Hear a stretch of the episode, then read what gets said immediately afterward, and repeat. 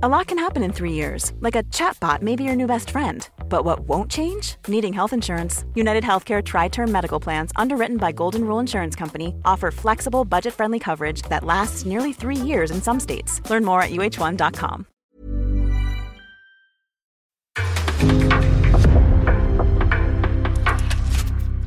En podcast från Aftonbladet. Avsnittet presenteras av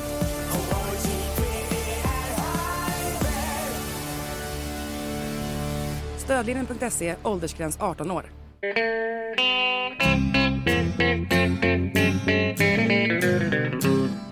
Hello out there, we're on the air. It's hockey night tonight. Tension grows, the whistle blows, and the puck goes down the ice. The goalie jumps and the players bump, and the fans all go insane. Someone roars, Bobby scores at the good old hockey game. Oh, the good old hockey game is the best game you can name.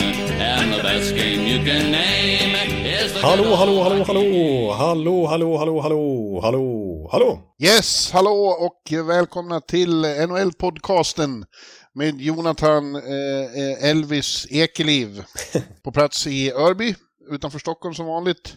Och mig då, Per Bjurman, också som vanligt på plats i New York City. Precis. Och eh, jag säger Elvis av en anledning därför att eh, den här gångna veckan, eller sen vi hördes sist, så har du Jonathan gjort ett bejublat framträdande som sångare för åtskilliga åhörare, åskådare. Ja, det var på Aftonbladets eh, konferens som jag, eh, ja, jag blev utsedd till att eh, iklä mig en gorillamask och delta i Aftonbladets eget Masked Singer. Ja, Och- och det är alltså Aftonbladets kick-off där. Hela, hela tidningen är på plats, eller hur? Ja, alla möjliga helt enkelt som jag har gjort bort mig fullständigt inför. och sjunger på finska ska jag säga också. Jag sjöng ju Ja, vad var det du sjöng för något? Picke i böttet. Nej, nu har jag tappat texten. Jag kunde, det, jag, jag, lärde, jag kan ju inte finska trots att jag är halvfinsk. Så det var som att lära sig 15 wifi-lösenord när jag skulle eh, lära mig den där eh, Eurovision-låten Cha Cha Cha. eh, ja, så att den, eh, jag gick all in i alla fall. Eh, ja, jag, jag har ju sett eh, film från det här. Det var ju många som eh, försåg mig med material för, för framtida utpressningsförsök. Ja, ja, jag, jag eh, uppmanar ingen att eh, försöka roffa åt sig de där klippen. Utan de får gärna ligga kvar i Bjures telefon. Men vi får se. Ja, det, det var ju legend... Alla säger att det var legendariskt. Att du, är, du, är ju, du är unik. Jag har sagt länge. Ja, ja, ja, ja. Jag, har, jag har hämtat mig nu i alla fall. Det var... Ja. eh, Det, har varit, eh, det var bröllop i Norge direkt efteråt. Ja, så störtade du iväg till ditt andra hemland direkt efter. Men nu är du tillbaks och är redo för vår fortsättning, fortsättningen på vår season preview. Vi, är, vi har hållit på med det här, det är bara två veckor nu. Men det känns redan som att man är inne i det här nu, eller hur? På ett Ja, helt nu- annat sätt. Precis, nu har vi ändå plöjt igenom 16 lag. Så att, eh, jag tyckte redan förra veckan att eh, liksom, vi var mer i form så att säga. Att det, nu känns det som ingenting här att sätta igång och ta sig an nästa åtta lag. För nu, nu är man uppe i det, uppe i varv. Ja, ja, jag också. Jag har inte gjort något annat sen sist än att verkligen hållit på med, med att skriva. Jag håller på med min blogg preview. Sen är det ju den här bibeln då som vi ska ut med. Det är mycket med den. Så nu, nu känns det verkligen som att man är on a roll här. Ja, och nu i dagarna här så sätter ju NHLs camper igång på riktigt. Vi har precis Ja. sett här i helgen som var så var det ju alla de här rookie-turneringarna i Trevor City till exempel och i Vegas och allt vad det har varit.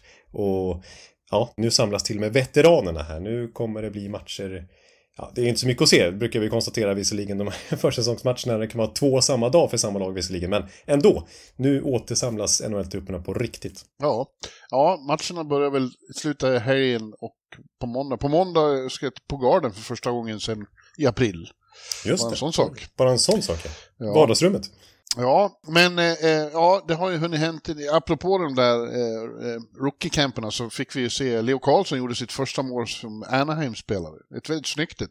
Ja, precis. Dels det såklart och många andra som utmärkt sig, inte minst Connor Bedard har ju visat att ja, den här hypen kring honom eh, har ju inte direkt eh, bleknat efter helgen. Nej, nej. Det, det känns som det kommer att bli underhållande att se de här spelarna. Framförallt i början. Det är då, det är oftast i oktober, november rookiesarna får utrymme och, och, och, och, briljerar. Ja, just det. Och sen så kommer de in i lunken och plötsligt, de är inte vana kanske att spela liksom 40 matcher på två och en halv månad och liksom Nej. resa runt och resa runt över hela kontinenten konstant och då tappar de lite. Men i början, det är som du säger, då brukar det, då Ja. brukar det gå undan.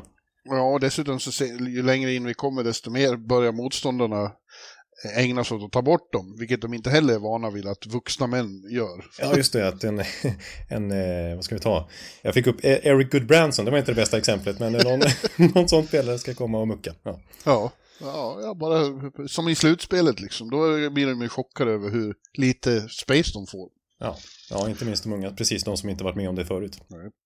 Ja, ja, men, men kul. Vi får ju se då om hur det blir med Leo. Vi har redan pratat om Anaheim. Annars var ju veckans stora nyhet då att eh, Mike Babcock hann inte ens till eh, campens start innan han var borta.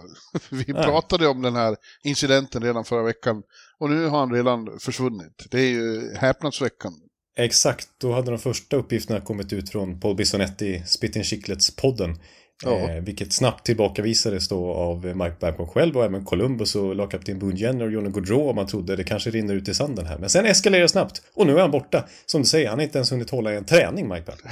nej, nej, och eh, Jarmo Käkkeläinen och John Davidson, presidenten där i Columbus, har bett laget om ursäkt. Vi ber om ursäkt för att vi anlitade Mike Babcock. Är Helt otroligt. Men nu är det ju så att vi ska gå igenom eh, Metropolitan-divisionen idag, där ju då Blue Jackets ingår. Så vi kommer att fördjupa oss, och ganska snart, Ja. om, om, om dem. Ja, precis. Vi kör ju bokstavsordning och då känner Ja. ni till att Columbus kommer ju rätt snabbt. Mm. Ja. Men innan vi ger oss på det så vill jag också nämna då att vi har ju, det, det skrivs ju historia i detta nu eh, i, på den, i den södra hemisfären eftersom eh, nu Los Angeles och Arizona befinner sig i Australien, i Melbourne. Just De ska det. spela försäsongsmatcher. De har tagit sig över Stilla havet och, och det är lite speciellt ändå. Liksom. Hockey i Melbourne. Ja, det är ju att ta det ett steg till. Vi har sett det i Kina och vi har sett det i Europa flera gånger och vi ska få se i Sverige här under nove- i november. Men Australien, ja. Jag tycker tidningen kunde ha skickat dit mig, men det blev inte så. Ja, nej, det, jag hade också kunnat tänka mig att åka dit, men ja. Ja, ja, men, och, och det ska vi bli, de matcherna är ju snart också, så det ska bli lite kul att, att bara se, liksom, det måste man ju se på tv, lite hockey från, från eh, Down Under. Ja, det är jag faktiskt lite sugen på, trots att det är försäsongsmatcher. Ja, ja, ja men du, eh, då tar vi väl och brakar igång med det här då. Vi, vi, som sagt, Metropolitan, och det nämnde vi också redan förra veckan, eh, ännu en dödens grupp, Monumentale. Ja, verkligen alltså. Vi kanske skulle ha sparat på det epitetet, eller så får vi helt enkelt eh, fästa fast det överallt nästan. För det här är ju också verkligen dödens grupp. Det är ett riktigt getingbo, denna Metropolitan-divisionen. Och jag är glad att vi slipper tippa i det här avsnittet. Vi Ja. kommer liksom gå igenom alla lag med vårt slutgiltiga tips. Det spar vi på till sista episoden innan det brakar igång. Ja, men det där är ju sant. Det känns ju som att det blir bara jämnare för varje år, att nästan vad som helst kan hända. Och att det därför är så extremt svårt att tippa. Liksom. Man, man, vrider sig liksom i, i tarmarna när man är tvungen att försöka tippa bort ett lag som borde gå till slutspel, men så kanske inte kommer, alla inte kommer att göra det. Här spontant när man tittar runt här i, i bland alla lagen så är det kanske bara Philadelphia Flyers som inte har uppenbara ambitioner att gå till slutspel. Alla andra. Gör San Jose det? Ja, du menar Metropolitan? Ja, i, i den här divisionen. Ja, Ja, ja, precis. absolut. absolut. Absolut, så är det. Så är det, och, och allra främst då det första laget vi tittar på, de ska inte bara till slutspel, deras ambition är att vinna Stanley Cup och de räknas ju av väldigt många som den hetaste contenden Mm. av dem alla. Och det är Carolina Hurricanes. Ja, precis. Eh, Det, det har vi sagt i några år nu tycker jag att det, Ja. liksom, det här ska vara deras år, det här ska vara deras år. Och det är samma sak den här gången och det har hänt, inte så mycket under sommaren, men lite grann. Och jag måste säga att de, de ser ju, de ser ju vassare ut eh, inför, inför hösten. Ja, på, på både och. Alltså, eh, tesen där ute är ju att de, precis som alla de senaste årens vinnare, har nu har gått igenom stålbadet några gånger och förlorat väldigt många tunga matcher. Tunga serier sent i slutspelet. Och de har ju nästan gjort det fler gånger än, än, än vad Colorado och Tampa gjorde. Ja, de har hållit på i fyra fem år nu. Mm. Ja, det börjar likna Washington, fast de aldrig kom förbi andra rundan innan Nej. de vann.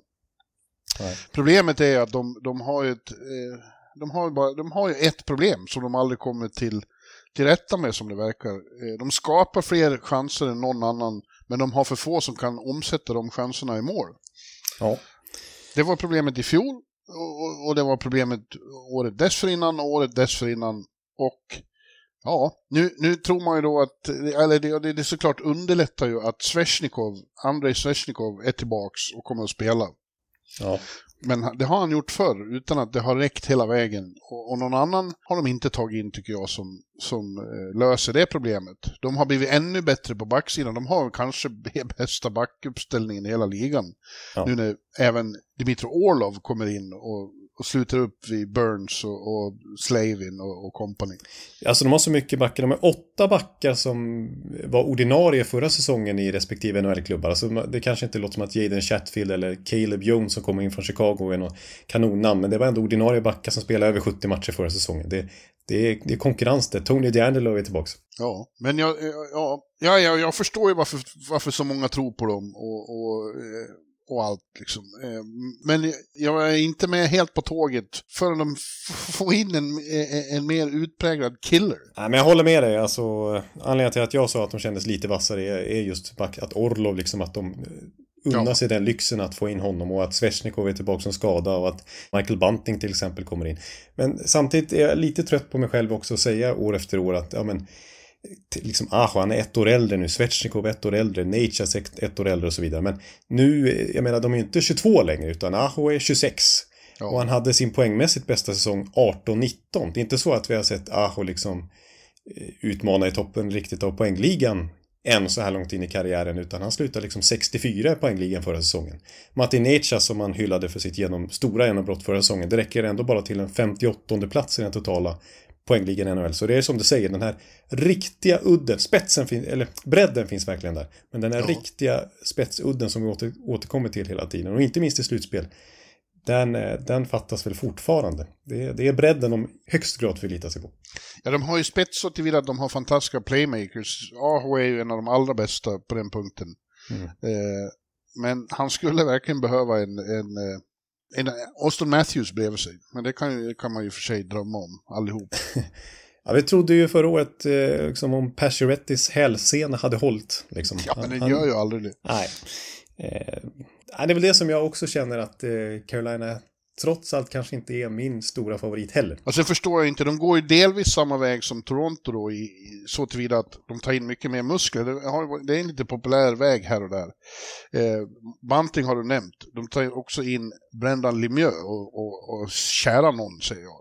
Det, vad ska man med honom till, annat än att han ska vara jävligt otrevlig mot folk. Ja, det är väldigt, det är mycket, Och så kommer Tony D'Angelo tillbaks också. ja exakt, alltså snacka om eh, skränfockar om jag får använda ett sånt uttryck. Ja, eller? ja, ja. Det kommer vara mycket munhugg från Varför Colum- tar man in Brendan Lemieux? Det, alltså, det sätter jag ett stort frågetecken över hela verksamheten.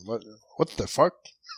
Ja, men han är lite, alltså vi hyllar ju Rod Brindamore och han är ju en otroligt skicklig coach. Den bästa i NHL skulle jag vilja påstå. Om jag fick välja en coach som skulle coacha mitt lag, då hade jag nog... Till och med Ja. före John Cooper kanske. Men, eh, men eh, han har ju lite udda val för sig där med att eh, vilja ha tillbaks liksom Tony DeAngelo. och- Nu ska det ju sägas att eh, det är ju i Carolina, det år han var i Carolina, det är ju Tony D'Angelos bästa och då han har fungerat bäst både på och utanför isen. Förmodligen tack vare Brindamore. Ja, jo, visserligen. Eh, han har ju någon magisk touch på något sätt, Brindamore. Men, eh, en annan sak är väl ändå också, det är ju målvaktssituationen. Att, att det, man tänkte där kanske händer någonting när både Andersen och Ranta har utgående kontrakt. Och, och de har inte varit dåliga under sina perioder i, i Carolina, men de har samtidigt inte heller vunnit ett, en slutspelserie åt dem. Nej, och dessutom är, har de ju en benägenhet att bli skadade hela tiden. Ja, två. Precis. Och framförallt dansken. Exakt, och ungefär vid den här tiden förra säsongen skrev de ju ett fyraårskontrakt som börjar gälla nu med Piotr Kochetkov, deras unga ryss som ska ta över på målvaktssidan, i alla fall som given backup den här säsongen. Men så tar de tillbaks både Andersen och Ranta. Så det är samma trio igen som ska vakta kassen för Hurricanes. Ja, nu låter vi kanske överdrivet negativa. Det är ju så att Carolina är en, en contender, så är det ju. Och jag blir inte förvånad om det här är året när de slår igenom. Men jag tycker inte det känns lika givet som vissa eh, har gett uttryck för. Nej, i din eh, eh, hockeybilaga som du sitter och fingrar på kanske nu, i The Hockey News. Mm. Där var det väl Carolina som är Ja. deras Stanley Cup-vinnare. Carolina slår Dallas, tror jag, Ja. i finalen. Ja, precis. Ja, vi eh, förstår favoritskapet, men är inte hundra med på det, kan vi säga så? Så kan vi väl säga. Ja. Ja, ja, så har vi då Columbus Blue Jackets, detta eh, plötsliga problembarn. Jag hade ju en text, lång text kvar, klar om eh, Columbus eh, i, till min preview där i bloggen, men den var ju bara att kassera. Ja, just det. Jag förstår. För som sagt, ja, där handlade det om att, att eh, jag jämförde med i skräckfilmer, du vet, när det är precis i slutet de har eliminerat eh, monstret eller zombien eller Jason i fredagen den 13. Ja. Och så plötsligt när alla andas ut, då plötsligt vaknar han mot, all, mot allt förnuft till liv igen. Oh. För en sista attack. Så såg jag eh, Babcocks comeback i, i Columbus. Ja. Eh, men, eh, och alla skriker i fasa i biofåtöljen. Ja, ja. Mm, ja. Eh, men eh, nu blev det ju då inte så, som sagt, utan eh, han har inte hunnit coacha en enda match. Han har inte ens hunnit ta sig till campen. Och är, är då redan sparkad. Och det är ju häpnadsväckande som sagt. Det är ju helt sjukt. Man, de blir av med sin coach liksom några veckor före säsongen startar. Ja, det är verkligen inte optimalt här för Columbus som lag att kliva in i säsongen med helt omkastade förutsättningar bara dagar innan campen ska dra igång. Men, men det verkar ju som att det var rätt beslut att ta. Alltså, det, det finns andra tränare som om det här hade kommit fram som det inte är så mycket kontroverser i. De hade säkert överlevt den här lite awkward grejen. Det var ju inte så att han kanske var ute efter att titta på eh, att de hade varit ute och supit och så. Utan, men överhuvudtaget så är det liksom så o, o, obegripligt att han inte fattar att han trampar över en gräns med den här underliga förfrågan och få se, för att titta på dina bilder. Man kan ju bara föreställa sig själv om det kom en ny chef till jobbet nu och sa Jonte, får jag titta i din, på dina bilder? Ja, det skulle vara det- jätte, jättekonstigt. Ja, eller precis som eh, våra chefer, om Hebbe på jobbet här skulle liksom när det kommer en praktikant och du får jag din telefon så går vi in i, ett, i ett rum här och så ska jag kika lite och kommentera vad du har gjort i sommar. Ja, nej, nej, Så, nej. kan, så gör man inte. nej. Och, och, och det var ju då uppenbart att framförallt yngre spelare i laget kände sig väldigt obekväma med det här. Och Mm. de insåg ju efter utredningar där som spelarfacket var inblandade i att nej, det här går inte. Vi kan inte ha Mike Babcock som coach. Och som sagt, Davidson och Kekkelainen har bett om ursäkt, men det här är ju en blamage för dem också. De sitter ju löst efter det här, tror jag. Ja, det är ju vissa som har krävt deras avgång, att de är skyldiga till den här anställningen och att de borde ha vetat bättre från start. Eh, och liksom, ja, man kan ju ifrågasätta lite grann deras, ja, men deras uttalanden då och kanske nu också, men framförallt vid anställningen, att de har gjort, när liksom Jarmo Kekkelinen påstår sig ha gjort en due diligence på Babcock och hört sig för med mängder av personer och bara fått goda vitsord och själv har fått en väldigt bra bild av Babcocks personlighet och att han har ändrat sig som person och så vidare. Men han har uppenbarligen inte ringt till till exempel Johan Franzén. Han har inte ringt till Chris Shellio som sa att, som har sagt att Babcocks behandling av Franzén är det värsta han har sett. Han har inte ringt till Mitch Marner till exempel. Utan han har ju, han har bara hållit sig i den här ekokammaren av Hockeyman. hockeymän ja, som såklart eh, håller Babcock ryggen. Ja, jag, finns, jag vet några till han skulle kunna ha ringt, men jag säger ingenting. Nej. Eh, men nu, nu är det här var ju slutet. Nu, nu tror jag vi kan vara helt säkra på att vi inte får se Mike Babcock i NHL någon mer. Eh, och dessutom tror jag det innebär att många kommer att vara väldigt eh, eh, skeptiska till eh, comeback för, för Joel Quenville och, och Stan Bowman och de här andra som liksom står och väntar, trampar på att få komma tillbaka i, i värmen. Och som det varit lite aktuellt med, det påstås ju till exempel att Rangers intervjuade Quenville i våras och sådär. Ja. Att, att det, de verkligen är intresserade av att komma tillbaka. Men det här har ju inte hjälpt deras case på något sätt. Nej. Ja, men i Columbus då så nu får eh, han som hade meningen att han skulle vara assisterande, men eh, i all hast, mycket halsbrytande, får Pascal Vincent Ja. eh, ta över. Eh, en grön man som huvudcoach på NHL, men, men har gott renommé och, och omtyckt som det verkar. Ja, precis. Och har ju varit associate coach i Columbus de senaste två åren eh, bakom Brad Larsen då. Men inte bara assisterande utan lite högre roll Ja. så att säga. Eh, tidigare i Winpegs organisation framförallt. Eh, ja, eh, det är svårt att säga var han står men utifrån hur Columbus spelat de två senaste åren och framförallt i fjol när försvarsspelet var katastrofalt och de släppte in näst flest mål i hela lönetagseran vilket överskuggades av att Anaheim släppte in ännu fler då. Eh, där, där har de lite att jobba på med strukturen om man säger så. Ja, det är ju väldigt svårt att med så här kort varsel bara ta över. Det, det ju, finns ju en anledning till att man skaffar coach tidigt som möjligt när man ska byta för att de behöver lång tid på sig att förbereda en säsong. Ja. Eh, så det här är, det är turbulent överhuvudtaget för alla inblandade, men framförallt för honom. Ja. Det blir ju väldigt svårt och jag tycker, alltså jag hade ju någon bild av att om nu Babcock har lärt sig en läxa och blivit liksom en bättre människa, så, mm så, så, skulle han ha vissa förutsättningar att, att få igång det här laget. För att jag, min bild är att, att Columbus har stagnerat. Liksom. De, de har de senaste åren varit sämre än de borde vara. I ja. fjol så var det mycket skadeproblem då. Men det förklarar inte riktigt varför, varför inte eh, Gaudreau var bättre. Och det förklarar inte varför så många inte har varit bra på flera år, inklusive Line och, och Boone Jenner och andra. Och Elvis i kassen. Nej, inte det precis, det håller jag med. De har snarare tagit kliv bakåt än framåt i sina karriärer. Ja, så det känns som att en bra coach som får jobba mycket med, skulle kunna liksom förlösa det här laget. Men jag vet inte om det går med, med så, under de här förutsättningarna. Mm. Ja, men annars har det ju väl känts lite positivt i Columbus-leden inför säsongen här. Eh, inte minst i samband med draften då, där man får, får in Adam Fantilli lite till skänks. Man räknar ju inte med att han skulle vara ledig med tredje valet där, men ja, man får honom och han har ju också varit en av alla som har imponerat här på rookie-camperna. Ja. Eh, han var ju kung tydligen i Trevor City där och dels gjorde han massa poäng och dels såg han ut som en ren eh, Patrice Bergeron i defensivt då och styrde och ställde i alla tre zoner. Eh, vilket kanske är lättare mot jämnåriga jämfört med att göra liksom i NHL sen då. Men han ser väldigt bra ut. Bor faktiskt nu med Patrik Laine. I hans lägenhet. Ja, ja det blir mycket tv-spel då. ja, det kan jag tänka mig. ja. eh, och sen har de ju alltså där i, redan i slutet av juni då innan de flesta klubbar började agera så var ju Kekkeläinen igång och tradade till sig både eh, Ivan Provorov och eh, Damon Severson, två riktigt rutinerade backar. Så att mm. Jag tycker väl att lagbygget ser klart starkare ut nu. Ja, de får ju tillbaka Zach Wierenski också. Precis, alltså precis, framförallt backsidan då ser klart starkare ut när de får in tre sådana tunga pjäser. För man kan ju nästan räkna som du säger Wierenski som ett nyförvärv också. Ja, det, jag, jag säger ju det. Det borde det här laget borde vara bättre och fram till den här eh, fram till det här haveriet så, så var jag beredd att säga att Columbus har lite chans att skrälla här i Metro. Ja. Men nu, nu känner jag mig mer osäker på den saken. Ja, jag också. Eh, och speciellt nu när vi ska gå igenom alla lag och redan har kommit fram till att man vill ha flera stycken till slutspel.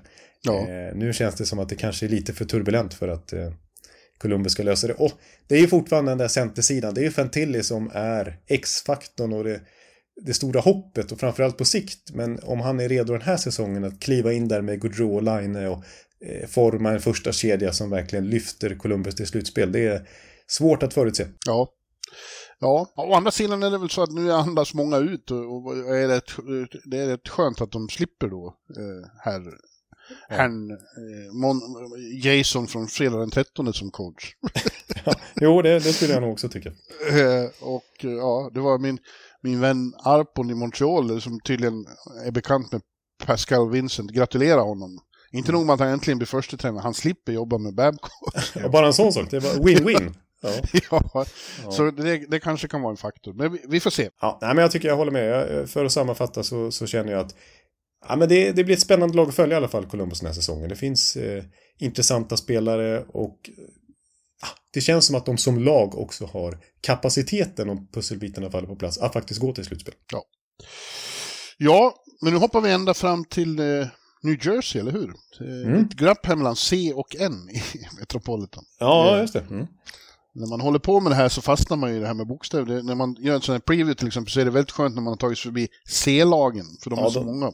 De beryktade C-lagen, exakt, som aldrig tar slut. Som man blir Nej. trött på till slut. Ja, precis. Det är Carolina och det är Calgary och, och, och det är eh, Colorado och det är Columbus och det är eh, Chicago. Ja, just det. Men när man kommer till Columbus då, normalt sett så brukar man inte känna sig jätteinspirerad då. Man har gått igenom massa segel så kommer Columbus där också som man ska traggla sig förbi. Ja, ja, ja men här har vi ett, ett långt hopp till New Jersey Devils då. Mm.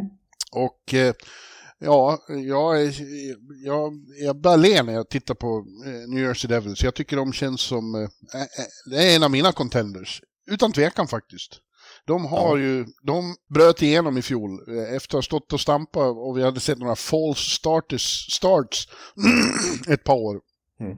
Så i fjol då så levde de upp till förväntningarna och brakade igenom. Efter en match när, när fansen skrev Fire Lindy. Ja. Så, så blev det sen eh, desto roligare i Prudential Center, i The, The Rock. The Rock! Oj, vad det, det rockade där. Ja. Ja, Ja, nej, men eh, det var ju som du säger, alltså, det var ju alltså 49 poängs förbättring jämfört med Ja. året innan. Och det är alltså historiskt. Det är den största diskrepansen från en säsong till en annan i hela NHL-historien. är det? Ja. Det visste jag däremot inte. Ja, det är otroligt. Från 63 till 112 poäng. Ja, Ja, Det är som att Columbus, de tog 59 poäng förra säsongen. Det är som att de helt plötsligt skulle ta 109 då, eller sånt där, kommande säsong. ja. Ja, men alltså ja. Och, och sen var de ju då, visar väldigt klass i slutspelet. Först hamnade i 0-2 underläge efter två hemmamatcher i The Rock, mot Rangers. Och sen vänder och vinner serien. Ja, det var, det var ruskigt imponerande faktiskt. Det, Ja, det var det verkligen. Och eh, nu, nu är det ju så att det händer att lag som tar så här stora steg, framförallt unga lag, att de hamnar mentalt i ett läge där det kanske omedvetet smyger sig in att de känner sig säkra på att nu kommer det bara fortsätta gå lika bra. Mm. Och, och så, En classic sophomore slump. ja, ja precis. Och eh, så blir det inte alls så bra. Nu, eh, men jag har svårt att se att det ska hända det här laget. De har varit med för länge, som Jesper Bratt har påpekat flera gånger. Vi är unga, men vi har ju varit med väldigt länge. Ja, Eh, eh, och nu har de ju dessutom då gott om spelare med, med ännu mer rutin, alltså äldre spelare som har väldigt viktiga roller i det här laget. Eh, ja det är ju Palat som kom in förra säsongen och så Toffoli är med den stora värvningen nu. ja, jag, ska, jag kommer till honom, men Haula och sådana har ju betytt väldigt mycket för, för inställningen ho- hos de här. Och, och eh, bra är de, alltså det är ju ruskigt att se att de får in Tyler Toffoli också, Calgarys bästa poängplockare i fjol, och en riktig sniper. Ja, Och de kommer att få Timo Meyer med sig från start i år. Och de har, som du säger, Palat och Bratt och... och, och ja, jag tycker de ser, det ser ruskigt eh, förspänt ut i, i, ute i, i Newark. Ja, och så Jack Hughes då som eh, Ja. verkligen gått från klarhet till klarhet de senaste säsongerna efter en lite trevande NHL-start. Men nu ser han ju mer och mer ut som en riktig super, superstjärna. 99 poäng förra säsongen på vippen att spräcka 100-poängsvallen. Och den tror jag han brakar igenom fullständigt kommande säsong om han får vara hel och frisk. Alltså det, jag tror det till och med kanske kan bli 50 mål från Jack Hughes i den här omgivningen.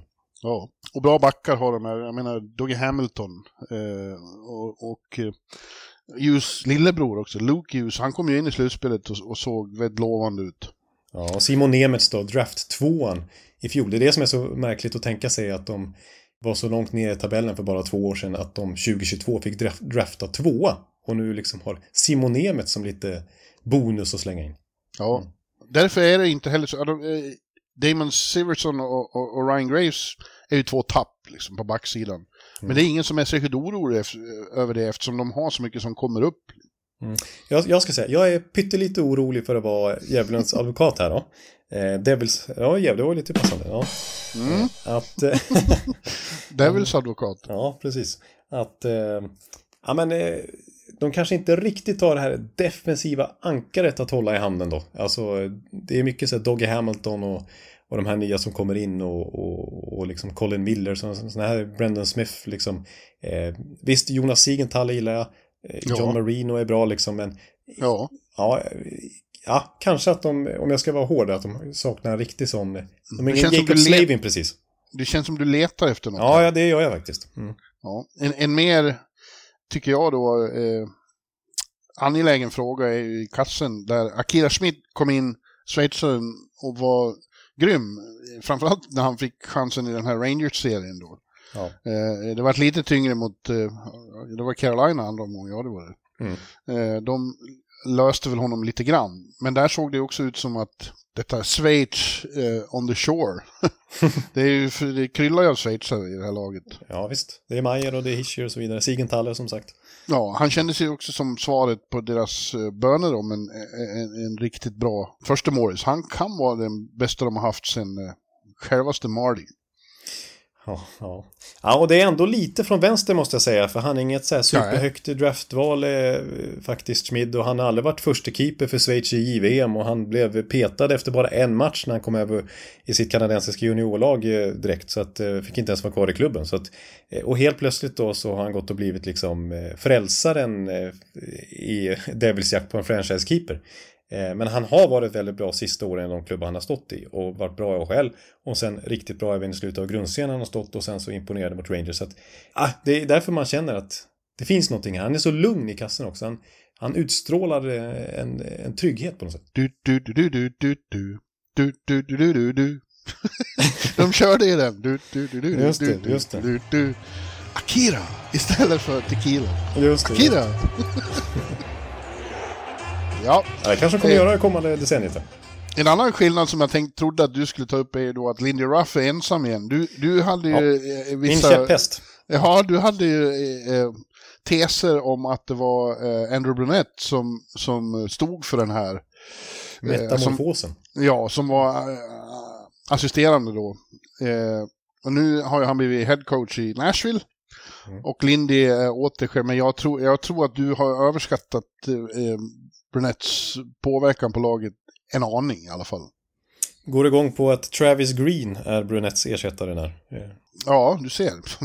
Sur, sur Travis kommer till- Sur-Travis kommer in istället för eh, glad Brunette. Ja. Ja. Nej, men jag, jag tror att Lindy eh, vet vad han gör. Eh, och, och om det nu var Brunette så har han ju lärt sig av honom nu hur laget ska spela.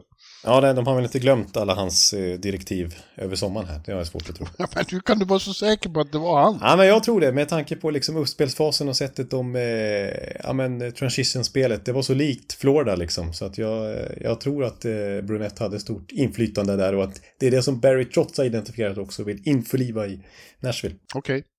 Ja, vi får se. Eh, en spännande eh, parentes tycker jag är, är eh, Alexander Holtz. Där finns det ju mycket outnyttjad resurs också. Om han kan eh, göra några framsteg till eh, så är eh, det är en väldigt spännande forward också. Exakt, och han kommer nog få chanser här, trots att det är liksom enorm konkurrens där i toppkedjorna. Och det är ju en, en sån plats han vill ha eftersom att han är en renodlad sniper i princip. Men Ja. kan, kan han, han kanske får börja lite längre ner i hierarkin och kan han verkligen komma in lite mer i tvåvägsspelet så tror jag att han kan börja etablera sig och få mer chanser och framåt. Ja. Eh, ja, för det, det finns platser där nere i bottom six numera vill jag påstå ändå. För att de har ju skrivit nya jättekontrakt med Jesper Bratt och Timo Meyer som vi var inne på mycket i somras. Det har ju sin sida gjort att det inte funnits så mycket mer utrymme att spendera på resten av trupperna med nyförvärv och sådär. Nej, Eh, det så att- försvinner ju sådana som Miles Woods och Jesper Bokvist och Sharangovic och Tatar. Ja, exakt. Det är ett helt gäng där i middle six och bottom six. Så att, eh, eh, det är ju meningen att en sån som Alexander Holtz ska bli ordinarie den här säsongen. Jag hoppas det. Jag ser fram emot det. Flexibility is great. That's why there's yoga. Flexibility for your insurance coverage is great too. That's why there's United Healthcare Insurance Plans. Underwritten by Golden Rule Insurance Company, United Healthcare Insurance Plans offer flexible, budget friendly coverage for medical, vision, dental, and more. One of these plans may be right for you if you're, say, between jobs, coming off your parents' plan, turning a side hustle into a full hustle, or even missed open enrollment. Want more flexibility? Find out more about United Healthcare Insurance Plans at uh1.com.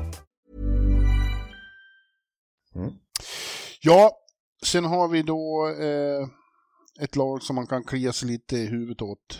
Eh, och det är New York Islanders. Ja, Eh, som ju lyckades på något vis till slut ta sig till slutspel i fjol men blev utslagna ganska ordentligt av Carolina. De hade inte mycket att sätta emot där. Eh, och det kändes som ett steg tillbaks från Barry Trotz-åren när, när eh, Lane Lambert kom in. Mm. Men eh, eh, general manager eh, Lou Lamoriello tyckte tydligen att det var bra för han har inte gjort nästan någonting annat än att tagit bort några gamlingar i form av Zach Parisi och Josh Bailey. Ja, Parisi tror jag faktiskt att han... eh, Ja, Bailey har ju... Det är väl utköpt till och med. Medan Parisi hoppar... Det är hans gamla favorit. Han draftade honom där i början av 2000-talet liksom och tagit med honom till Islanders och sådär. Men där sägs... Han gjorde ju faktiskt 21 mål förra säsongen, Parisi också. Men han eh, tvekar väl lite om han ska fortsätta karriären. Han bor ju i Minnesota och, och har lämnat familjen för att spela Islanders de här säsongerna. Och nu är barnen går i skola och då, de ska skjutsas till idrottslag och så vidare och sånt där. Så han har inte riktigt mage att köra en säsong till i Islanders kanske. Eh, Så de avvaktar där. Men eh, absolut, det är i princip samma lag totalt sett. Och det är ju faktiskt så att den här kåren som han har etablerat, eh, Lamoriello, den har blivit ännu mer liksom fastknuten eller vad man ska säga med tanke på att det han framförallt ägnat sig åt här är att skriva långtidskontrakt med sina spelare. Är... Som han egentligen inte gillar att göra. Nej, nej men De nu får, är för det... mycket, de får för mycket pengar över för lång tid säger han ju jämt. Ja, just det. Det brukar ju vara hans eh, mantra. Men eh, Pierre Engvall, sju år fick han. Ja, gånger ja. 3 miljoner dollar. Ilja Sorokin, det var ju väntat då, men 8 gånger 8,25. Eh, Semjov Varlamov, fyra år till, trots att han är på ålderns höst då. 2,75 miljoner dollar. Scott Mayfield, 30 bast, får sju år, 3,5 miljoner dollar. Ja. ja, men vi får väl se. Den, den, den, enda nya som är, är, är Julian Gauthier. Ja. Eh, and that's it. Men nu, vet man, nu vet man ju inte då med Lou. Han, eh, han är ju den som eh, har tätast, eh, eh, inga, inga läckor förekommer i hans kabyss. Liksom. Nej, precis. De här kontrakten jag just nämnde, det var inget som läckte ut i förhand, utan allt i ett svep bara, smack. Ja, och så han kan ha något på gång precis innan, så det har ju hänt förr att han plötsligt slår till med någonting. Ja. Men, eh, men eh, framförallt är han ju envis och signalerar att han tror på det lag han hade i fjol och på den coach han hade. Eh, och låter dem fortsätta bara, helt punkt slut. Eh, och de ska visa nu, och visserligen då så är det väl, ja, eh, Engvall är ju, han gjorde ju bra ifrån sig när han kom dit på, på, i, i, i kedjan han hamnade i. Och, och Bo Horvath kommer ju att starta, han kom ju in väldigt sent i fjol. Så Ja. det kanske är väldigt bra för honom att få, få liksom starta en säsong på ett Mm. mer lugnt sätt.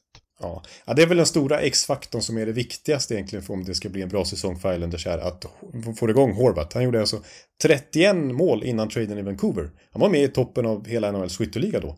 Sen blev det bara sju efter Mm. traden under vårsäsongen där och i slutspelet ett. Så att, Mm. eh, och, och han hjälpte ju inte till Islanders svaga PP då. Eh, De, de gör alltså minst antal mål i powerplay under hela grundserien ihop med Philadelphia Flyers. Det är så att Edmonton Oilers, Tampa Bay Lightning och även Ottawa Senators gör faktiskt mer än dubbelt så många mål i powerplay under den gångna säsongen som Islanders. Ja, det var ett riktigt, det var, det var ett riktigt eh, mediokert powerplay som man var där och sa, har ni får en powerplay, det betyder inte så mycket egentligen. Nej, det är liksom två vaskade minuter ungefär liksom. Och sen så kan matchen fortsätta. Ja. Ja, så, ja det, känns, det känns lite liksom som att de står och stamp, stampar på samma punkt. Mm. Eh, inte är det de var för några år sedan när Barry Trotz tog dem till konferensfinal två år i rad. Nej.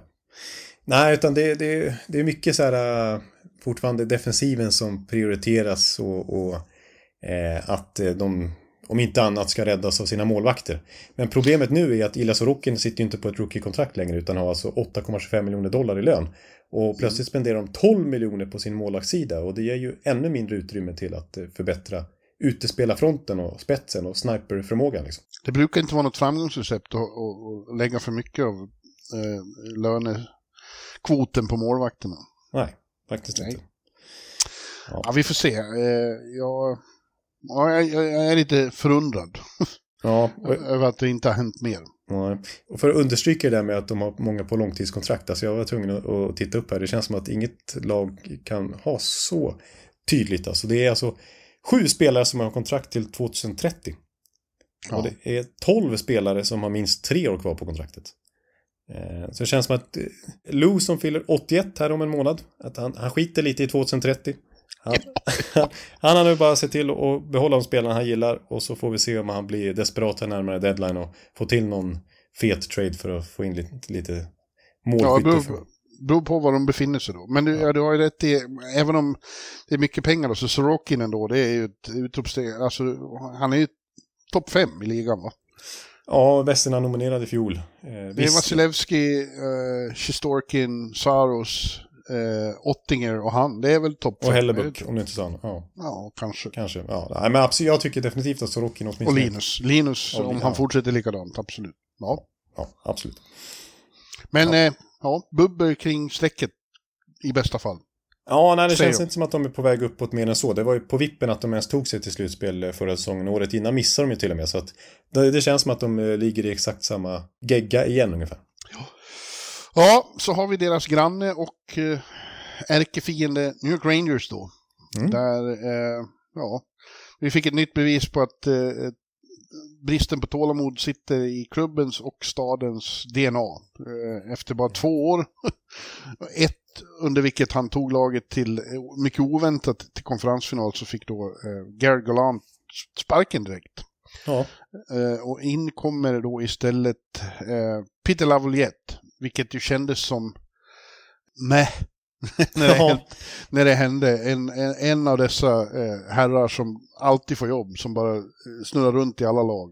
Ja, som har sn- snart varit runt i hela Metropolitan Division. Det är ju Ja. de lagen vi redan pratat om har ju varit i i princip. eh. Nej, så att, eh, och dessutom var det så att jag tyckte det dröjde väldigt länge innan det offentliggjordes att han tog över. Det var liksom snack om eh, Quenville till exempel. Det var ju faktiskt så att Rangers också intervjuade Babcock. Och det var, ja men de, det påstods att de väntade ut Sheldon Keefe-besked i Toronto om han skulle bli tillgänglig. Så det känns inte som att det var så här, Laviolette, han, honom vill vi verkligen ha. Nu kastar vi så mycket pengar som möjligt på honom och hoppas att han kommer hit. Utan det var lite så här, ah, det får väl bli han. Ja, ja lite så kändes det. Ja, och sen var det då så att de kunde nästan inte behålla någon av de här. eh, De, de gick ju väldigt hårt fram kring trade deadline som bekant. Och fick in både Patrick Kane och Tarasenko och, och, och några till. Eh, Mikola, och en, eh, en mycket Ja. duglig back från St. Louis. De har inte kunnat behålla någon av dem, och inte Tyler Motte heller. Eh, men å andra sidan då så gick det ju bra för Drury med på väldigt billiga kontrakt så tog han in väldigt bra eh, spelare på breddspelare i form av Blake Wheeler till exempel och Nick Bonino och Ryan Nash och Tyler Pitlick. Och så Erik Gustafsson på backen. Ja, just det, Erik Gustafsson kom också ja. och Jonathan Quick är ny backup. Så det var Ja. väldigt mycket sådana gamla rävar som man känner, verkligen känner till. Ja, men, men han fick dem ju på väldigt eh, gynnsamma kontrakt. Eh, och det, det var ju bra. Men min, min bild är den här att Rangers kan eh, nå framgång. Men det handlar väldigt mycket om att deras två tunga, höga draftval från senare år, alltså Capocaco som gick tvåa 2020 va? Nej, Nej, 20, 2019. 2019. Ja. Mm. Och eh, Alexis Lafreniere som var, gick etta året därpå. Eh, Rangers enda ett, draft-etta. Eh, det här måste vara säsongen när de slår igenom ordentligt. Eh, annars kan man nästan säga att de är busts.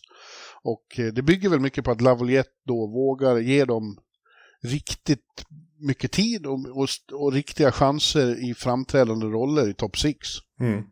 Ja, precis. Det är ju det som är den stora nyckeln. För annars är det ju, visst, de har ju liksom målvakten verkligen i Sjestjorkin. De har en spännande backsida med, med Fox och Lindgren och, och Keanu Miller och så vidare. Och så har de ju fortfarande Mika Zibanejad och, och Panarin som inte är för gamla än och, och Kreider och, och Skyttil och så vidare. Men X-faktorn som ska lyfta Rangers som de har väntat på det är just de där två som du nämner. Ja, Eh, och kolla till exempel, alltså, va- vart skulle Rangers varit nu om eh, Lafreniere hade haft samma utveckling som till exempel Tim Stützle som gick trea i samma draft och som hittills gjort mer än dubbelt så många poäng i NHL-karriären som Lafreniere har gjort. Alltså, det, det skulle ju lyfta, jag menar, släng in Tim Stützle till exempel i Rangers. Då är de ju verkligen en contender. Då skulle vi snacka om dem med ännu fler superlativ så att säga. Ja. Eh, Så att det, det, är, verkligen en nyckel för dem att få igång dem. Och om Laviolette är rätt coach för det, det är ju det ställer man sig lite tveksam till. Ja, man gör ju det. Eh, och, och, och skulle det hända, skulle de få igång dem, då blir de ju mycket svårare att, att försvara sig mot i, i playoff då. Mm. Där det har varit för enkelt att neutralisera framförallt Panarin då. Mm, ja, precis. Som ju har varit en... Han har ju varit en bust i playoff här. i- Ja, Till och med när de gick till konferensfinal var ju han rätt klen faktiskt. ja, ja han producerar inte mycket för att... eh, Lite som med, eh, vad heter han i Minnesota? Kaprizov. Ja, just det. Att när det verkligen eh, kommer till playoff, de allra viktigaste matcherna, då, då är de för lätta att, ta bort. Eh, Men, men det blir ju svårare om det finns fler vapen på isen. Ja. Och, och det behöver Lafreniere och Capo göra. Vi får se. Det hänger väldigt mycket på det tror jag. Ja, nej, men jag stryker under fullständigt på det. Sen kan man ju säga så här eh, om Laviolette att eh, det känns ju tråkigt som sagt som vi har redan dömt ut här med eftertryck tidigare under podden med Old Man's Club och att de bara cirkulerar runt samma gäng. Samtidigt då så i konferensfinalen konferensfinalerna här i våras så var det ju Bruce Cassidy som ny coach i Vegas som gick långt. Det var Paul Maurice som ny coach i Florida som Ja. gick till final och det var Peter Bohr i Dallas som ny coach där som verkligen lyfte det laget. Det kändes alla, ja, kanske inte eh, Cassidy då i Vegas men De Boer och Maurice i motsvarande poddar här förra hösten så att vi inte kände oj vad pikt liksom. Nej, Nej det var lite eh, Boys Club, Old Boys Club som hade framgångar i fjol. Så vem vet, det kanske, det kanske, är, kanske är det som eh, behövs i Rangers, jag vet inte. Ja, och så har vi den här gamla Laviolette-faktorn, eh, myten, eller myten, det stämmer ju faktiskt att han historiskt sett i alla fall har lyckats sina första säsonger med Islanders som han, i början av 2000-talet, det är länge sedan, det är 20 år sedan nu, som han tog till eh, slutspel efter att de hade missat sju år i rad innan dess. Han eh, vann Stanley Cup med Carolina sin första hela säsong där. Han gick till final med Philadelphia under sin första säsong där. Han tog Nashville till slutspel direkt efter att de hade missat flera år i rad och sen till final då. Och mm. Washington var väl ingen supersuccé men, men de hade i alla fall sitt fjärde bästa poängsnitt på fyra år i grundserien första säsongen han kom dit. Så att han lyfte ändå dem gentemot tidigare säsonger faktiskt också. Eh, så att han brukar liksom börja bra och sen börjar så sakteliga tunnas ut ganska mm. tills att det blir helt ohållbart. Han brukar liksom få sparken med eftertryck till slut. Men som sagt, första säsongen brukar vara hans bästa. Ja, och han behöver vara lite modigare och lite bättre på uh, matchcoachning än sin företrädare. Ja, ja just det. Det var ju därför. Det var det som blev Galants fall. Mm. Ja, och han hamnar i konflikt med Drury och så. De lär ju ha skällt på varandra och så. det är inget bra att stå och skälla på chefen. Nej, är... När man har den rollen. Ja, nej, vi får, eh, ja, de bör ta sig till slutspel, men eh, sen får vi se. Ja, nej, precis. Det är... Jag trodde för några år sedan att man liksom, när man skulle prata New York Rangers 2023, att man verkligen skulle känna oj vilken contender. Och visst, det är inte så att de inte med i leken, men det är inte så att man känner sig övertygad om dem som någon slags favorit. Nej. Eller, nej. nej. Ja, ja. Sen har vi då Philadelphia Flyers och det har du redan nämnt att de är väl det enda lag i denna division som inte riktigt befinner sig i en fas där de tänker sig slutspel ens. De Nej. är i en rebuild och det viktiga för dem är att de har fått in en ny ledning. Att Chuck Fletcher borta Eh, och att eh, de har ny, alltså eh, Daniel Breer kom ju in redan förra säsongen, men det här är hans första hela säsong. och de har ny president, den gode, vad heter han nu då? ja, gamla tv-experten. Ja. jag tappar namnet också, jag ser honom framför mig, men så kommer inte huvudet upp i skallen. Eller namnet upp i skallen. Huvudet kom upp i skallen? ja. Ja, eh, Keith Jones. Keith Jones. Mm. Jonesy. Jonesy. Ja. ja, nu fastnar vi där. Och eh, det är ju liksom en, en, eh, en ny start för, för, för Flyers eh, som behövs efter att bli misskött av Chuck Fletcher kan man säga. Precis, det faktum att Daniel Breer ens tar ordet rebuild i sin mun tyder ju på självinsikt till slut i den organisationen. För Chuck Fletcher vägrar ju säga det utan det närmaste han kunde yppa. Det var ju mm. aggressive retool. Liksom. Mm. Det, då han ansåg ju fortfarande att Philadelphia det är eh, ett slutspelslag. Liksom. Men nu, nu börjar de ju om här under Daniel Breer. Och det ser man ju på vilka som har lämnat truppen här under mm. sommaren. Det är ju Kevin Hayes och det är Van Riemsdyk och det är Provorov då till Columbus som jag nämnt och Tony D'Angelo till mm. Carolina och lite sådär. Mm. Eh, och eh, inga, inga blockbusternamn som nya heller. Utan det är sådana man, man tar när man befinner sig här. Mark Stahl får en ny chans. Eh, hans karriär bara fortsätter. Ja, den, den, den, han var ju visserligen i Stanley Cup-final för några månader ja. sedan, men, men ändå. Det känns som att det, eh, det är en sån här värvning, dels för att liksom ens ställa ett fullt lag på isen lite grann. De kan ju inte bara släppa spelare. Eh, och de kanske inte kan ge alla unga rookies chansen direkt. Men så känns det också, liksom, Tortorella måste ju få lite sådana Tortorella-spelare att jobba med. Ja, ja. ja. ja eh, och eh, ja, sen får de då i och för sig tillbaks eh, Sean Couturier om hans rygg kan hålla den här gången. Och det har ju varit två år i rad när han har försvunnit på grund av att ryggen inte håller. Det är en gammal favorit. Jag tycker väldigt mycket om honom och hoppas att han får, får, får vara hel nu. Precis, en gammal Selke-vinnare och inte så ja. gammal heller. Han är ju mitt Nej. i sin prime egentligen, åldersmässigt. Ja. Men i, i huvudsak så är det ju så då att Tortorella som är kvar som coach och, och, och Tortorella är Tortorella. Han ja. kommer ju att ägna sig åt att fortsätta bygga kultur här eh, och se till att de, hur säger Kultur. Kultur. Hörde ja. jag inte med. ja, men underbart. Ja. Hur låter hur säger det? Kultur. ja. ja, ja, men eh, eh, så att attityden blir den riktiga. Och det är, hans andra år så säger jag inte det är omöjligt att, att, de, att de, de blir i alla fall lite bättre än i fjol utan att kunna eh, hävda sig i konkurrensen i divisionen. Ja, men jag håller med och jag tycker ändå att vissa nya spelare som börjar ta över där, inte bara liksom Carter Hart och Travis Connectney visade framfötterna i fiolen, som som Owen Tippett som de fick i Claude 20-traden här kom upp i typ 30 mål förra säsongen. Cam York som är deras kanske största back, eller det är väl deras största backtalang. Han tror jag blir första PP-back kommande säsong. Han såg bra ut i fjol när han fick chansen och nu har de ingen riktig före honom i hierarkin. Så att, eh, Tyson Forster lär få chansen den här säsongen. Det, det börjar liksom komma lite grann och de har liksom börjat ansamla sig i första runda val i kommande draft här också. Och de, det ska vi nämna också. De tog alltså Matvej Mishkov, supertalangen, Rysslands Conor Bedard. Eh, ju, som blir spännande mm. att följa om några år. Han har ju sitter på ett eh, långt kontrakt med Sankt Petersburg, men om de lyckas få över honom till NHL så är det väldigt spännande också. Så att, eh, det är ah, ny prägel på detta Philadelphia Flyers. Eh, och det var helt, eh, verkligen i, i, tiden. Ja, ja.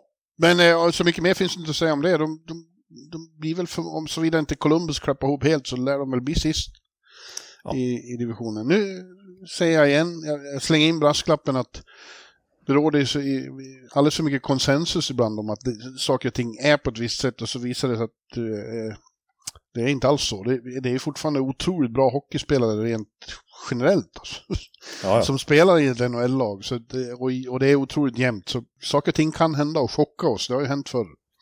Ja, en sån som John Tortorella. Vi dömde fullständigt ut Columbus något år när han var där. Och så gick ja. de till slutspel liksom. Så att, ja. Och slog ut Tampa till och med. Så att, eh, Eh, ja. Så det, det, det, kan hända konstiga grejer. Det var väl då när Columbus, det var väl då jag skrev i mitt kortfattade tips var det går åt helvete.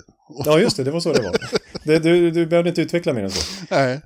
Och ändå gjorde det inte det, utan det, det, var, ju, det var en himmelsk säsong snarare. Ja, så jag vill, jag vill hålla upp den skylten att uh, jag är inte så säker som vi låter här kanske. I Nej. något fall. Nej. Nej.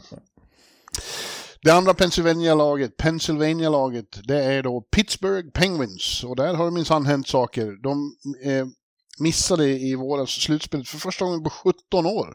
Mm, längsta sviten i nordamerikansk proffsidrott. Om jag ja. räknar in liksom NFL och, och NBA och så vidare. Mm. Ja. Och det var ju då en, en, en chock som fick konsekvenser. Eh, General Mansion, eh, Ron Hextall ja. och eh, presidenten Brian Burke fick gå. Det var klart redan innan eh, säsongen var över. Eh, och in kommer då istället Kyle Dubas från Toronto. Han är både, han är både president och general manager och får mer inflytande än han, han får det inflytande han ville ha i Toronto, men inte fick. Nej, precis. Och, det ska vi säga också, det är ingen eh, liten lön han får. Det kanske inte understrukit i podden. Alltså han får ju... Det, det uppges att han får 7 miljoner dollar per säsong i sju år. Och det är liksom det överlägset största general manager-kontraktet någonsin i, NHL-historien. Det var ju ja. Ken Hollands 5 miljoner dollar per säsong i Edmonton som var rekord tidigare. Men Fenway Sports Group här, de plockar in Cal Dubes med ett monsterkontrakt. Ja. Ja, och han har omedelbart rumsterat om i, i truppen också. Fått bort jobbiga kontrakt de hade med Mikael Granlund och Jason Zucker och andra. Mm. Och, och, och intagit då, ja, den stora traden har vi ju pratat om någon gång. Det är framförallt det faktum att han får Erik Karlsson till Pittsburgh. Ja, ja. Men han är inte den enda. Och det är anledningen till att jag tror att den här eh, slutspelstorkan blir mycket kortvarig. För han har ju också tagit in Riley Smith.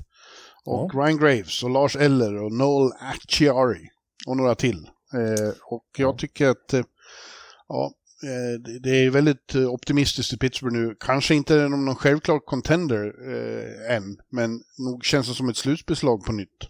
Ja, för det, de var ju, de borde egentligen ha gått till slutspel i våras ja, också. De fumlade ju verkligen till det där i slutet, ja. sista veckorna och liksom förlorade hemma mot Chicago helt i onödan när de inte var påkopplade. Så att, de Nej, var... det, var en, det var en helt förbluffande match, så att de förlorade den. Ja, ja, exakt. Så de borde det, faktiskt... det visade att något var liksom åt helvete i klubben. Liksom. Ja, ja. Nej, men det känns som en ny start i, i här med, alltså, med Erik Karlsson då, men alltså att Kyle Dubas verkligen har införlivat eh, hopp igen i Pittsburgh ja. Penguins. Så att det, det, känns lite taggat inför den här säsongen. Eh, annars har det varit lite dystert liksom och de, de hade ju 15 år i rad eller något sånt där när de sålde ut hemmaarenan och det bröts också förra säsongen. Liksom, så att, men nu känns det som att, ah, spännande. Och vi måste ju såklart prata om, om Erik Karlsson, för vi har ju liksom inte riktigt greppat det fullständigt från Pittsburgh-perspektivet än i podden. Förra veckan pratade vi från San Jose-perspektivet. Men, mm. Eh, mm. Ja, är, han har fått det han önskade nu, Erik. Han ville komma till ett lag som, som har chansen. Eh, och det, det tror jag ju att Pittsburgh har. Hans roll kommer att bli väldigt stor om än inte lika stor som i San Jose, det är nästan omöjligt. Då var han ju jämn på isen. Ja. Ja. Eh, Men jag tror att Pittsburgh har förstått att det är när han är the go-to guy och spelar mycket och är inne i powerplay i princip hela tiden och så. Har man förstått vad som har sagts i Pittsburgh så är det ju så att Chris Letang har viftat vit flagg och säger får vi hit Erik så är jag beredd att ta en mindre roll. Ja, exakt. Det är inte så att Letang kräver att han ska få fortsätta vara quarterback i powerplay till exempel. Utan att eh, han inser Erik Karlssons värde och vad det skulle kunna göra för Pittsburgh. Som Ja. klubb och han vill ju fortfarande vinna. Eh, så att, eh, ja, det låter ju lite lovande. För annars man, är man ju lite sådär rädd för att det ska bli en Brent Burns situation med Erik Karlsson. Att de ska ta ut varandra lite grann. Eh, för Ja. båda fick ju ett lyft i karriären förra säsongen på olika håll så att säga. När de inte var Ja. Men, eh, och liksom i och med att Letang också är offensivt skicklig, vill hålla, vara i powerplay, är högerfattad och sådär. Så skulle kunna upp, liksom uppstå igen. Men ja, det uppges då som sagt att Letang ska kunna släppa fram Erik Karlsson helt enkelt. Ja, och är han, får han vara hel och han är helt skadefri nu och har en lång, bra sommar bakom sig igen. Eh, och eh, verkar väldigt inspirerad. Mm. Eh, så tror jag Erik kommer att göra väldigt stor nytta. Det är ju troligen inte att han kommer upp i samma eh, poängskörd igen. Därför att i San Jose, skulle det bli några poäng så var han tvungen att göra dem. Ja, Här, här finns det fler som kommer att och, och, och, bidra till mål. Exakt. enkelt. Ett, tag så bidrog han ju alltså till 70 procent eller var i alla fall inne på isen vid 70 procent av San Joses mål. Ja. Det, det, Men det, det, men det tror jag är, det, det är han helt likgiltig inför poängskörden. Det, det handlar ju nu om att vara med och bidra till att ett lag går långt. ja. Och det tror jag han kommer att göra. Ja, det ska bli... Ja, jag jag tycker också lite spännande eh, att nämna att han förmodligen kommer få en svensk backkollega också. Att de tänker sig formera backsidan med Letang och Ryan Graves som kommer in då i ett backpar. Och sen Erik Karlsson ihop med Marcus Pettersson. Ja, Och då blir det här left-right som jag gillar, du vet. som är min käpphäst. Och eh, Marcus Pettersson anser ju många där borta i Pittsburgh var deras bästa back förra säsongen. Mm. Eh, väldigt bra, framförallt i egen zon såklart då, och kan ge utrymme åt Erik Karlsson. Letang hade ju en tung säsong i fjol, han fick ju en ny stroke. Hans Ja. pappa gick ju bort dessutom. Ja. Eh, så det var inte mycket positivt där, men han kanske kan studsa tillbaka i år med en ny backkollega och Erik Karlsson då med Marcus Pettersson som, som ett väldigt starkt backpar. Så deras topp fyra där är svårslaget i, i NHL. ja, och framåt har de sina två superstars i Crosby och Malkin. Eh, och det, de verkar ju väldigt revanschsugna och eh, har ju fortfarande mycket stor hockey kvar i sig. Och de har runt sig sådana som Gensel, även om han är lite... är Ja, jag, jag, man- jag var orolig för det, att det snackades om att han kunde bli borta länge. Det hade ju varit ett tungt tapp, men Mm. eh, han ska ju tydligen bara missa ja, fem, sex matcher sägs det nu. Och så har de Raquel och Rust och eh, Raquel är ju, tycker jag, lite underskattad. Mm. Eh, överhuvudtaget är det gott om svenskar där nu med Erik och Raquel och Marcus Pettersson och An- Mango kommer ju in, Andreas Jonsson och, och Alex Nylander tog sig en plats till slut i fjol och så är Magnus Hellberg in som extra Morris. Just det. För, och det kan vi diskutera, därför att där finns ju vad som känns som Pittsburghs svaga punkt. Att Ja. de fortsätter med Tristan Jarry och har bara Alex Nedeljkovic som backup. Ja. Det tycker jag, alltså eh, Jerry har fortfarande inte visat, åtminstone för mig, att, eh, att han är en riktig förstemålis. Han har varit bra i grundserien men det har ju, de gånger han har varit frisk i, i slutspelet så har det inte sett så bra ut. Nej, precis. De har ju åkt ut med huvud före faktiskt samtliga. Ja, det, ja sen 2018 är det väl när, när Washington slog ut dem och bröt sin Pittsburgh-förbannelse. Liksom. Annars har de åkt ut i första rundan när de tagit sig till slutspel. Och Tristan Jarry har varit i kassen och inte riktigt imponerat. Ja, mot Nej. Rangers det här året, då var han i fjol då, eh, eller 2022, då var han ju skadad. Så, och det var ju Casey Smith också. Så det var ju Louis Domingue till slut som... Ja, just det. Ja, nej, men det är klart att Jerry är väl en bra målakt, men absolut, det var ju lite i- ifrågasättande kring att Dubas till slut valde att ge han ett långtidskontrakt. Och inte, han sonderade målvaktsmarknaden men tyckte han kom fram till att Jerry var det bästa alternativet. Då. Ja, målvakterna fortsätter vara ett problem för Dubas. Ja, precis. Det Det var, var det i samma Toronto, Toronto. också. Ja. Och där, där fick han för sig att Matt Murray skulle, för att de hade connectionsen förut. Men det vart ju inget bra alls. Nej, nej det, är, det är Pittsburghs svaghet känns det som inför den här säsongen. Och det är Dubas svaghet också, det här med målvakter. Verkar Ja. som. Sen är, kan man ju vara lite orolig för också, de är ju liksom, de är ju ålderstigna. Det är NHLs högsta medelålder i den här truppen. Ja, ihop med Washington som vi kommer in på. Men Mm. eh, Eh, och liksom kan man verkligen, eh, alltså om vi pratar om de här superstjärnorna de har, så har ju alla liksom en diger skadebakgrund. Så man kan liksom inte utgå från att alla kommer hålla sig hela och friska hela säsongen. Däremot vill Nej. jag lägga till då, Erik Karlsson 82 matcher förra säsongen, Malkin 82 matcher förra säsongen, Crosby 82 matcher förra säsongen. Ja, Alla så- över en poäng per match. Så att de är ju inte slut precis. Nej. Nej. Nej, det ska bli såklart otroligt spännande att följa Pittsburgh. Jag ser mycket fram emot det. Ja, och som Såklart. sagt, ja, som sagt, borde egentligen gått till slutspel i våras. Nu är de ju klart starkare. Äh, det är klart, alltså, jag håller med dig där om att man kanske inte målar upp dem som en given contender, men ett slutspelslag, jag kommer inte sätta dem under strecket. Nej, inte jag heller. Nej, ja, slutligen då i Metropolitan så är det Washington Capitals som du nämnde där. Eh, och de missade också slutspelet i fjol för första gången på tio år. Ja. Eh, och de har ju varit i en nedåtgående trend sedan de vann 2018. Och Ja. jag är ledsen, men jag har svårt att se att den negativa trenden bryts på något särskilt dramatiskt sätt i år. Nej, eh, ja, är lite svårt, svåra att greppa. Jag kan komma in på positiva saker också som talar för dem. Eh, men eh, det är ju mycket man kan nämna som frågetecken också. Jag tyckte det var lite positivt i alla fall att de på något sätt har inlett en liten slags rebuild on the fly från deadline och framåt här i, i mars i år eh, när de eh, bytte bort Ja. Orlov och fick in Sandin. Och sen så här under försommaren bytte bort eh, Laviolette till 17 år yngre spännande tränaren Spencer Carberry. 17 år yngre, det lät som du sa 17-åring. Ja, nej det är han faktiskt inte. Nej, nej det är, så ung är han inte. Men 41 är han Spencer Carberry och är, är väl kanske det mest hypade unga tränarnamnet som inte fått chansen som head coach i NHL fram tills nu. Alltså det, han intervjuades ju av alla lag egentligen som hade coachöppningar. Och mm. Toronto ville inte släppa honom egentligen där han var assisterande coach. Så han har ju varit i Washington tidigare. Fick ett fick liksom bra bud därifrån. Hade ju kopplingar dit sen tidigare. Och verkar ju supertaggad eh, på det här. Alltså, jag tycker han är lite lik John Cooper i sin aura och sin pondus. Lite såhär smooth talker. Framåtlutad och ja, man känns väldigt taggad liksom. Mm. Ja, det, det, det blir spännande såklart. Eh, men eh, de är ålderstigna och det har lite varit för mycket fokus de senaste åren på, eh, på Ovechkins eh, poängjakt. Eh, Mm.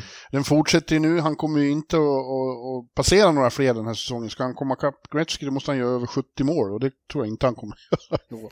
Nej, det blir svårt. Eh, Ja. Ändå gjorde han faktiskt 42 i fjol, vilket ju han, han är ju still going strong, men fyllde ju Ja. också 38 ska vi säga i söndags. Ja, men så tror du att han kan lägga på 30 mål på de 40? Nej. Nej, ja. Nej. Nej. Nej, en stor fråga är Bäckis då. Eh, som missade halva för, förra säsongen och kom in och var väl okej, men inte riktigt sig själv. Nu har han haft en lång, lång sommar där han har fått träna riktigt ordentligt för första gången på flera år och verkar själv väldigt positiv och, och, och general mention Brian McClellan sa ju det att eh, Beckis har förtjänat chansen att visa att han, att han kan komma tillbaks. Mm. Och, Ja.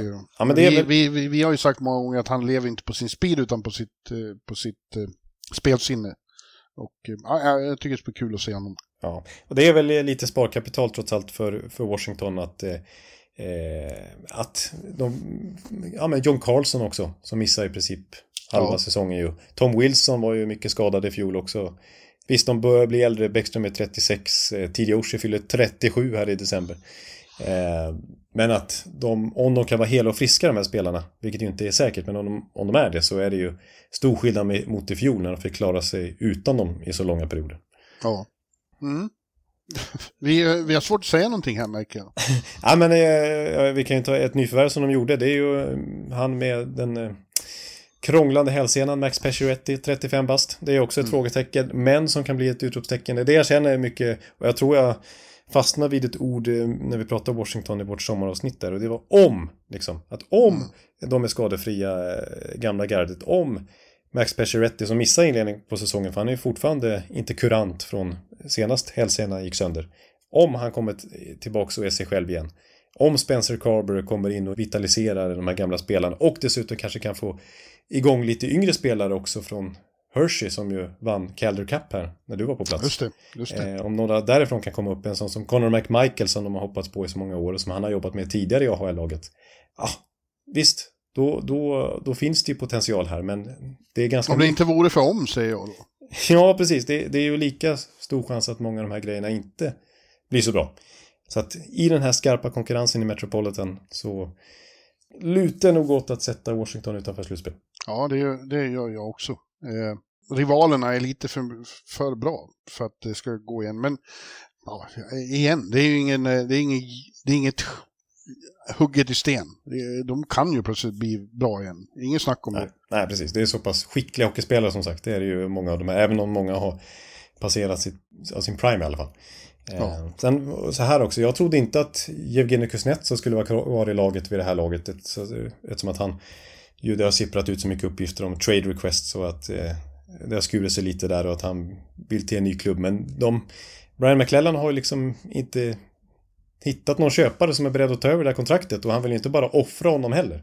För det är en så pass bra spelare att det skulle lämna en glugg i, i laguppställningen om de bara ger bort honom. Så att, eh, ja, och samma med Anthony Manta lite grann. Så att, eh, ja, det, det känns inte... Jag, jag är spänd på Spencer Carberry som sagt, men annars känns det som att det, det är lite tungrott där i Washington. Ja. ja, och så har de Darcy Kemper i mål som är liksom middle of the road. Eh, Det, det räckte för att eh, Colorado skulle vinna häromåret. Men det är ingen som bär laget. Nej, det tror inte jag heller riktigt faktiskt. Han var väl okej i Washington förra säsongen, men det är ingen som på egen hand löser en slutspelsplats. Som typ Sorokin kan göra för Islanders. Ja, men du, då har vi även eh, Metropolitan i, i arkivet. Ja, Förd till handlingarna. precis. Eh, och då är det helt plötsligt bara en division kvar att gå igenom då. Ja, och det är Central nästa eh, vecka och där har vi också ett, eh, ett eh, getingbo, Ja, Dödens grupp. Dödens grupp nummer fyra. Ja. Eh, men det, ja, det, finns, det finns ju väldigt många, mycket intressant att, att bita i där. Ja, dels liksom Colorado och så vidare, de lagen, men också Bedard i Chicago och lite sånt där. Ta sig igen. Ja. ja, vad ska jag göra nu då? Eh, ja, men nu ska jag väl sätta mig och klippa det här. Eh, först ska jag laga lite mat, för jag har inte ätit någon middag. Klockan är åtta här svensk tid på kvällen. Eh, sen eh, ska jag sätta mig under veckan här och skriva NHL-bibeltexter. Ja, jag med. Jag ska gå ut och äta lunch. Eh, se om ordning och gå ut och äta lunch. Sen ska jag gå tillbaka hit och sätta mig och hamra texter. Ja, och ni som, jag har sett några har frågat eh, när NHL-bibeln kommer ut. Och den, eh, jag har faktiskt inget exakt datum, men NHL-säsongen börjar i 10 oktober och den ska ju komma någon eller några dagar innan dess. Så runt 8-9 där kan ni räkna med att den finns i handeln. Mm, det, blir, det blir något det. Det blir något det. Men eh, vi säger väl så för den här veckan då. Och så tar vi oss an Central nästa. Yes. Och då har vi sett några eh, försäsongsmatcher kanske. Det blir Just det. Just det, och australiska matcher till och med. Ja. Bara ja. en sån sak. ja, men eh, det blir fint det. Ha det så gött så, så, så hörs vi. Tack detsamma. Hej hej! Hej, hej! Hallå, hallå, hallå. Hallå, hallå, hallå. Alex Chiazot, Joe Luis Arena och Esposito. Esposito. Uttalsproblem, men vi tjötar ändå. Och alla kan vara lugna, inspelningsknappen är på. Bjuder Hanna Kohl, han är grym i sin roll. Från Kållesoffan har han fullständig kontroll på det som händer och sker. Det blir ju allt fler som rattar in hans blogg. Och lyssna på hans podd. One, two, times speed, so Hallå, hallå, hallå. One, two, times speed, so Hallå, hallå, hallå. Ekeliv, som är ung och har driv. Verkar stor och stark och känns allmänt massiv. Han hejar på Tampa och älskar Hedman. Sjunger som Sinatra. Ja, och där ser man. Nu är det dags för refräng. Dags för magi, Victor Norén. Du är ett geni. Så stand up at home and remove your hats. Höj volym, för nu är det plats. One, two, times speed, so Hallå, hallå, hallå. One, two, times speed, so Hallå, hallå, hallå. One, two, times speed, so Hallå, hallå, hallå. One, two, times speed, so Hallå, hallå, hallå. Det er utroligt længe siden mor, der samtidig trods har råd. Hallå, hallå, hallå. Det er utroligt længe siden mor, der samtidig trods har råd. Worried you'll need to babysit your robot vacuum? Think again. Meet Eufy X10 Pro Omni Robot Vacuum with AI powered navigation to recognize and avoid over 100 objects. It's the winner of five Best of CES awards. And Digital Trends says it boasts almost all the same features as robot vacuums that cost twice as much. Want to know more? Go to eufy.com. That's E U F Y.com. and discover X10 Pro Omni, the best in class all in one robot vacuum for only $799.